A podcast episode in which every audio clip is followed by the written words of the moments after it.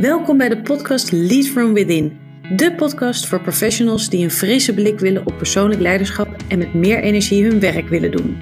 Mijn naam is Sabine de Kazenmaker en ik breng je inspiratie en tips om verbinding te kunnen maken met jouw authentieke kern en zo leiding te geven van binnenuit. Hierdoor maak je meer impact in de buitenwereld en behoort hard werken tot de verleden tijd. Luister naar deze podcast en krijg jouw motivatie om het verschil te maken.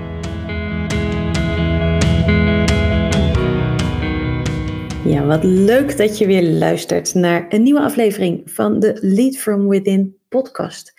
En in deze aflevering wil ik het met je hebben over onzekerheid en ehm, in een onzekere periode je bevinden en hoe daarmee om te gaan. En het is ook een persoonlijke dit keer, uh, want ik ervaar het zelf op dit moment. Ik ervaar um, nou, een periode van onzekerheid. Ik ga daar zo uh, dieper op in. Um, en wat je verder kan verwachten is nou, manieren om daarmee om te gaan. Uh, ik zal ook uitleggen hoe ik dat zelf doe. En nou, ik hoop dat je, dat je inspireert en uh, eventueel helpt om ook in periodes van onzekerheid, niet zo goed weten wat te doen, twijfels, um, daar misschien wat tips uit te halen hoe je daarmee om kunt gaan. Nou, ik zal eerst uitleggen waar ik zelf een beetje uithang. Um, ik ben half maart teruggekomen. We leven nu uh, eh, 1 juni, terwijl ik dit opneem. Um, half maart teruggekomen uit Colombia. En nou, mensen vragen altijd, hoe is het? Ben je weer geland? Ik zeg, ja, gaat prima. Uh, het landen dan. Hè, het, ik, ja, ik heb net zoveel uh, voor nodig, ik. Weet waar de winkels zijn, ik weet hoe het hier werkt, ik spreek de taal. ik woon hier al uh, eh, 43 jaar, dus dat gaat, dat gaat gewoon vanzelf. En, toch merkte ik na een tijdje, dat is niet helemaal waar. Niet dat die dingen die ik net allemaal noemde niet zo verlopen, maar er zit op een onderlaag, gebeurt er iets anders dan ik... Um, nou, er gebeurt meer dan dat ik zelf door had. En nou ja, je hoort al de manier ook waar ik erover praat, dat ik, ik ben ook een beetje zoekende naar wat is het nou? En um, nou, het geeft in ieder geval onrust. Um, het voelt ook echt als een soort existentiële vraag die ik heb. Van ja, waar hoor ik? Ben ik hier nog op mijn plek? Wat wil ik? Um, wat is waar? Hè, wat is, wat is, wat, waar bestaat dit allemaal nu uit? Welke onderdelen uh, zitten hierin? En um, nou, hoe kijk ik daarnaar? Uh, en ik moet zeggen, dit is de eerste keer in die hele periode van het heen en weer reizen tussen Colombia en Nederland, dat ik het hier zo sterk ervaar. Um, ja, dat ik de manier van leven hier als benauwend en stressvol ervaar. Um, dat ik daar absoluut niet in mee wil gaan. Uh, maar ja, dat betekent ook dat er dan niet zoveel gebeurt. Dat je dan mensen minder ziet, um, dat ik zelf minder onderneem. Um, en ja, nou, ik ben eigenlijk zoekende nu naar een vorm die wel bij me past. Zonder dat ik, hè, en ik weet al dat 100% in Colombia gaan wonen, dat is hem niet per se. En dat is met, uh, als ik het met mensen over heb, een reactie van ja, en dan daar. Nee, dat is, dat, wie weet, ik weet het nog niet. Ik ga het ontdekken. Op een moment wordt het duidelijk. En uh, nou ja, het, het, is, het voelt als, als een ruis en als één grote brei. Um, en wat mij dan helpt, um, is om erover te schrijven.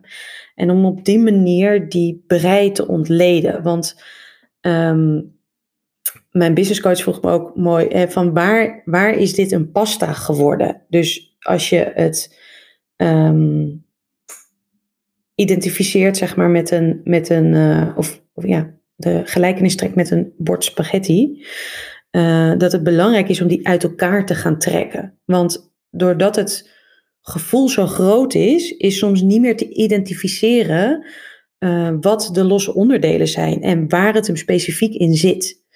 Um, want alle dingen los van elkaar, die maken dat iets een lekkere spaghetti is of een niet lekkere spaghetti. Dus je hebt de saus, je hebt de kruiden, je hebt de pasta, je hebt de kaas, je hebt de groenten, uh, het gehakt.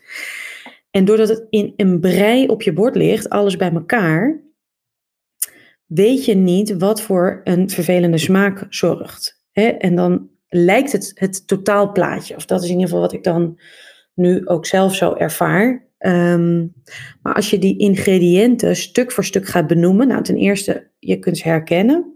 En vervolgens ook specifieker kijken naar ehm, wat daar wel of niet aan klopt. En om dan, nou, is die oké, oké, parkeren. Hoef ik daar verder niet, uh, niet mee aan de bak. En, en als het wel zo is, van ja, uh, hier moet ik wat mee. Als er bijvoorbeeld selderij in zit, ja, dan weet ik het meteen. Uh, dat is een grapje. Ik, ja, goed. Ik vind dat echt niet lekker, selderij. Maar dat is niet, uh, niet het doel van mijn verhaal over, over de spaghetti. Maar misschien wel dat ik kan ontdekken, wat is de selderij in mijn situatie nu? En hoe ziet die eruit? Um, en om vervolgens ook nog te kijken naar dat geheel, hè, als ik dat zo beschreven heb. Um, welke emotie of welke naam past erbij? Um, en, en meestal is dat intuïtief, komt, daar, komt daar al iets op. Uh, en dan door het een naam te geven, kun je er ook weer net even wat anders naar kijken en er meer buiten gaan staan. Want als je erin zit, ja, dan, dan voelt het als heel veel. Um, terwijl als je er net even buiten staat, is het, oh, dit is dus machteloosheid, frustratie. Um, en dan kun je gaan kijken waar het vandaan komt, of de, welke situatie dat ontstaan is, waar het uh, misschien langer geleden, maar wat er ook nu eventueel getriggerd wordt. Waar is dat aan gelinkt? Welke gedachten heb ik daar dan over? Uh, want soms heb ik ook wel eens, ik weet niet of je dat herkent, dan heb ik, nou, opeens lijkt het dan een rotgevoel. En dan denk ik, waar, wanneer is die gestart? Waar is die vandaan gekomen?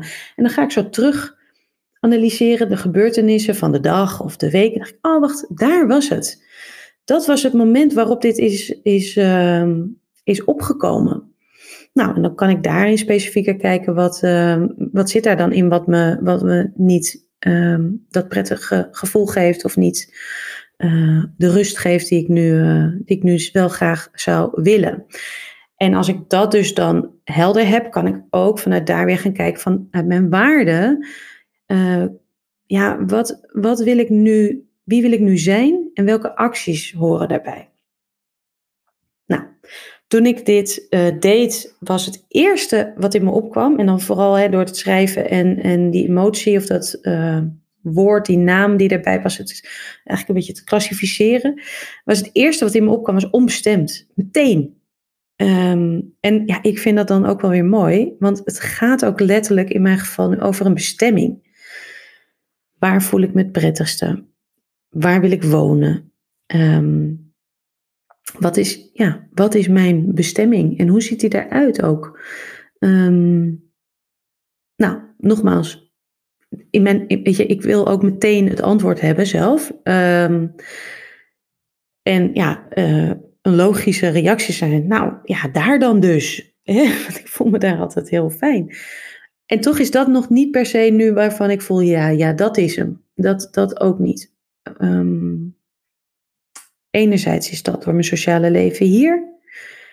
En anderzijds denk ik ook, ja, dat, dit is misschien vanuit een initiële reactie eh, lijkt dat het meest logische dan. Maar ik heb het idee dat er nog een andere versie is. Die ik nu nog niet kan overzien, die ik nu nog niet helemaal helder heb. Maar ik vertrouw er wel op dat die, dat die gaat komen. Um, hè, en toch is eh, dus dat zeg ik heel, heel stoer. Uh, en toch is er iets van, ja, ik zie mezelf niet 100% daar. Ik voel me hier ook niet fijn. Dus wat dan? Tell me. Ik stuitte uh, vandaag op een video van Daniela Brown. Ik weet niet of jij haar kent, uh, antropologe. Die heel veel deelt op, uh, op LinkedIn. Um, en ja, ik vind het ook weer niet, mooi dat ik dan precies nu op die video stuit. Zonder dat ik ergens naar op zoek was van een uitleg. Maar zij, en als je trouwens wil, je afvraagt over welke video ik het heb, nadat ik het zo meteen uitgelegd heb. En je wil hem, laat me weten, ik heb hem opgeslagen.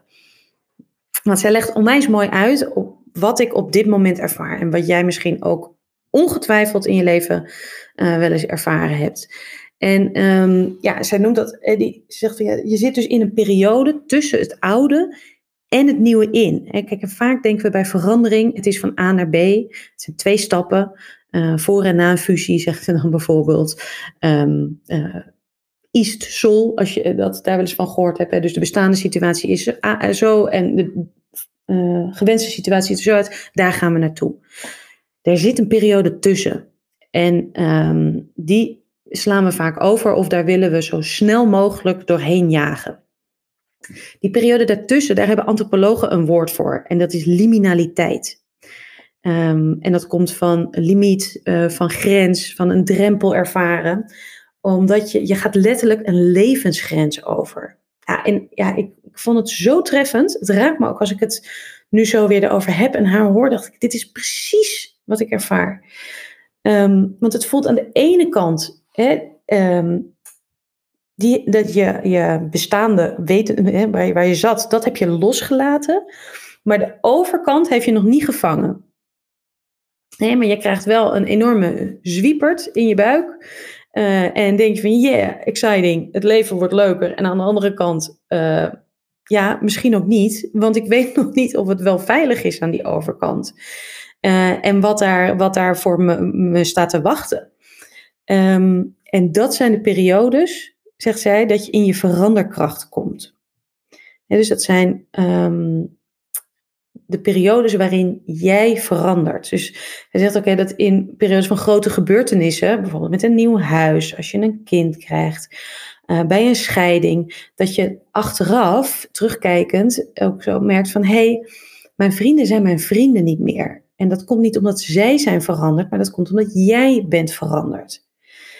En wat er vaak uh, de neiging is, is om die tussenperiode te willen verkorten. En zo snel mogelijk het nieuwe helder willen hebben. Of duidelijkheid willen hebben over die nieuwe situatie. Want ja, het voelt zo onzeker. En um, ik kan het beamen. Het is een, een onrust, een ongemak, een zoekende. Um, ja, niet zo goed weten wat ermee aan te moeten. Um, maar, zegt zij ook, de crux is dat je juist leert in die onzekerheid, in die liminaliteit.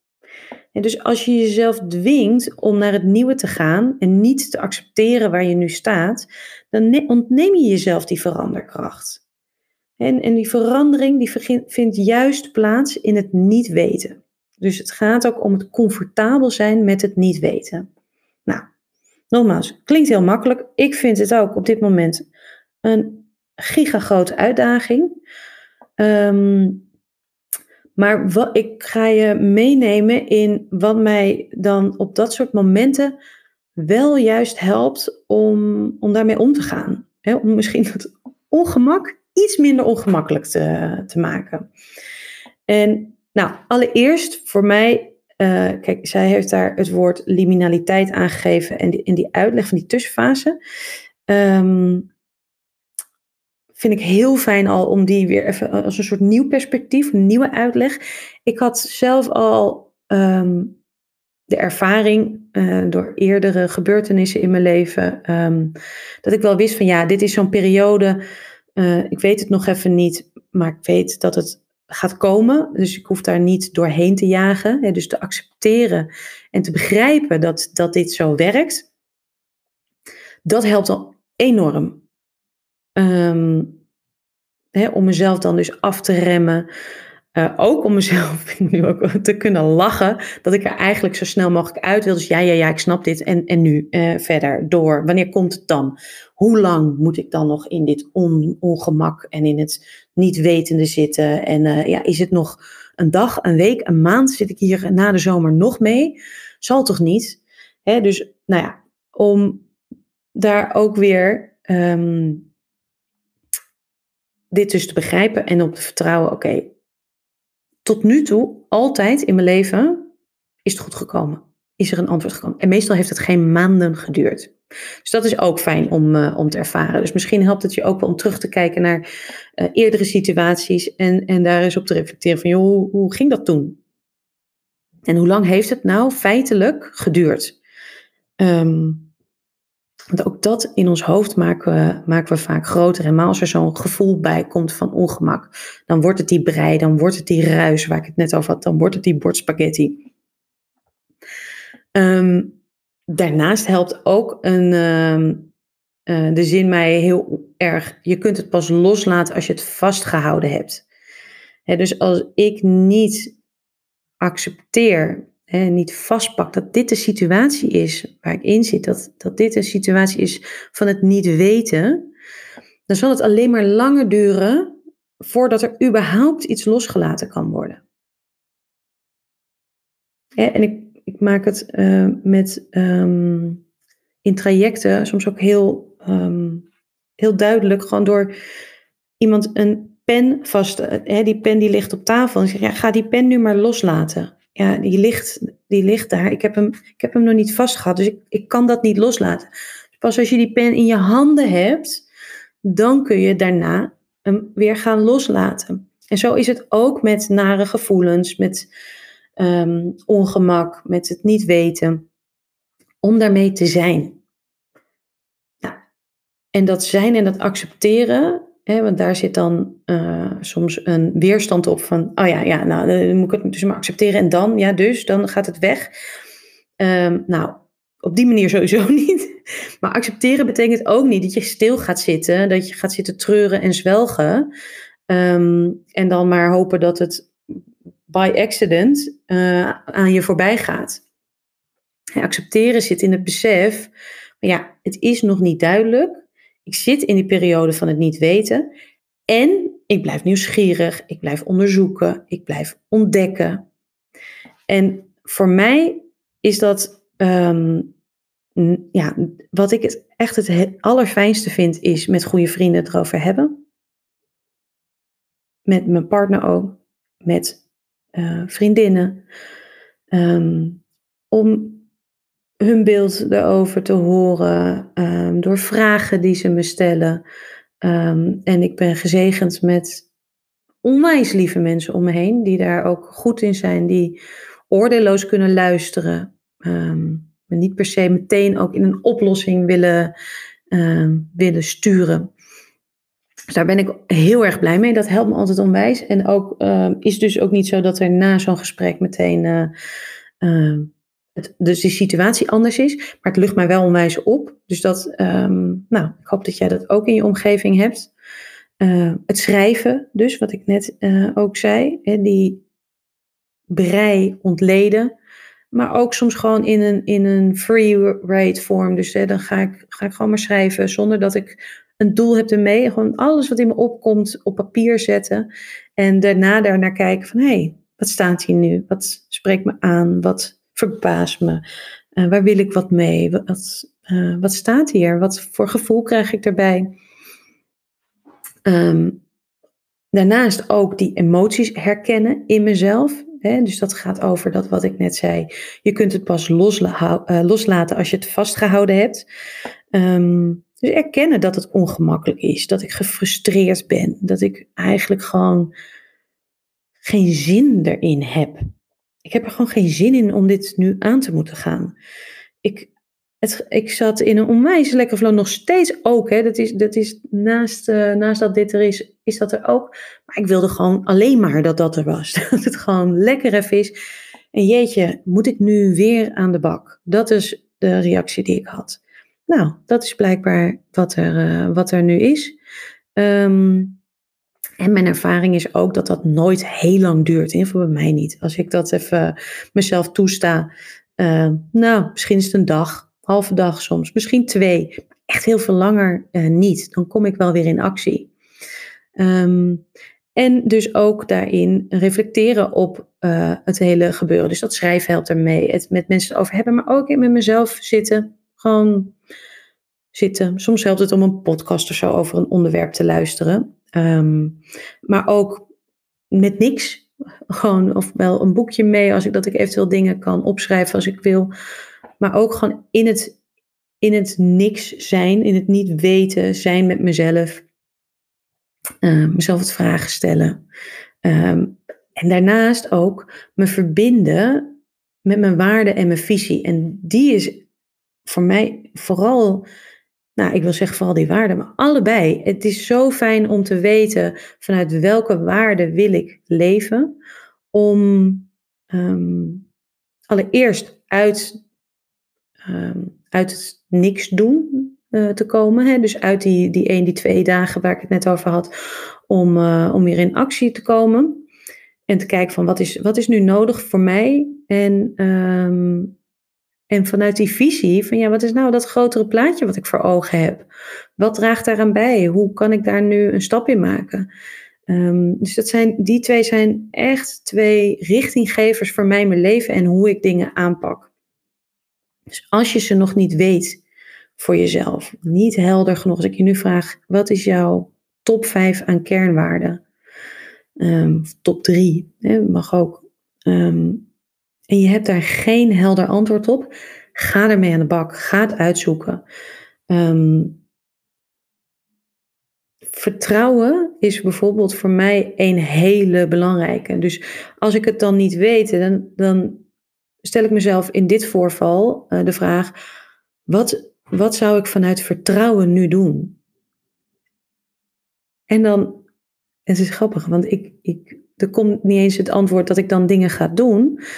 Is dan, dan voel ik rust in mezelf ervaren. Want ik weet vanuit dat vertrouwen, het gaat komen.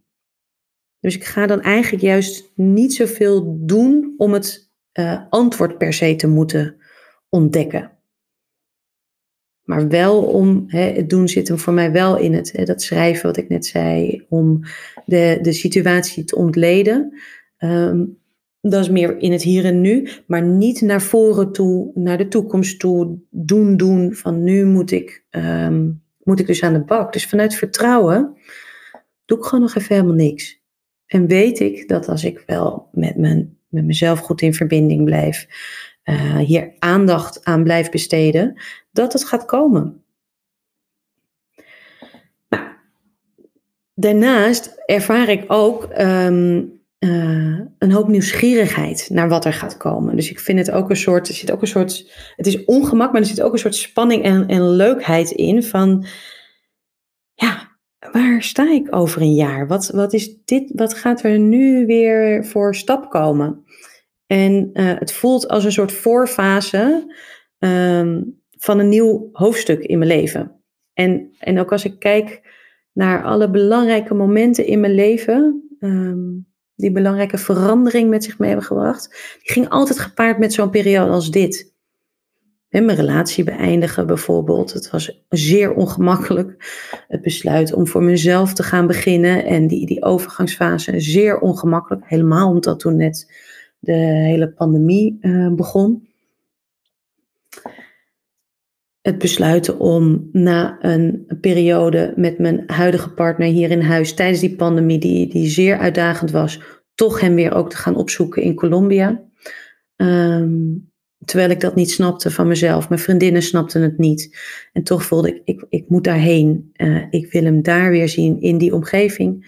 Um, nou ja, en uiteindelijk ook terugkijkend is het, zijn het allemaal hele um, nou, belangrijke momenten geweest waarop echt grote veranderingen hebben plaatsgevonden. En die um, een positief effect op de langere termijn hebben opgeleverd. Dus nou, dat weet ik, dat is fijn. Uh, en toch denk ik nu, ja, oké, en, en nu dan? Hoe ziet hij er dan nu uit? Dus ik ben heel benieuwd hoe ik er over een jaar, uh, over een jaar bij zit. En um, nou ja, ik ben ook heel benieuwd. Hoe doe jij dit? Wat helpt jou hierbij? Um, kun je iets met de dingen die ik net genoemd heb?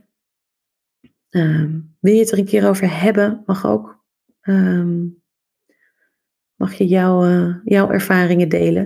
Um, ben ik heel nieuwsgierig naar. Dus, nou, ik uh, sluit deze aflevering af met nog steeds een hoop ongemak in mijn lijf. En uh, ik vond het fijn dat je erbij was en naar me geluisterd hebt. en hopelijk gauw tot een volgende keer.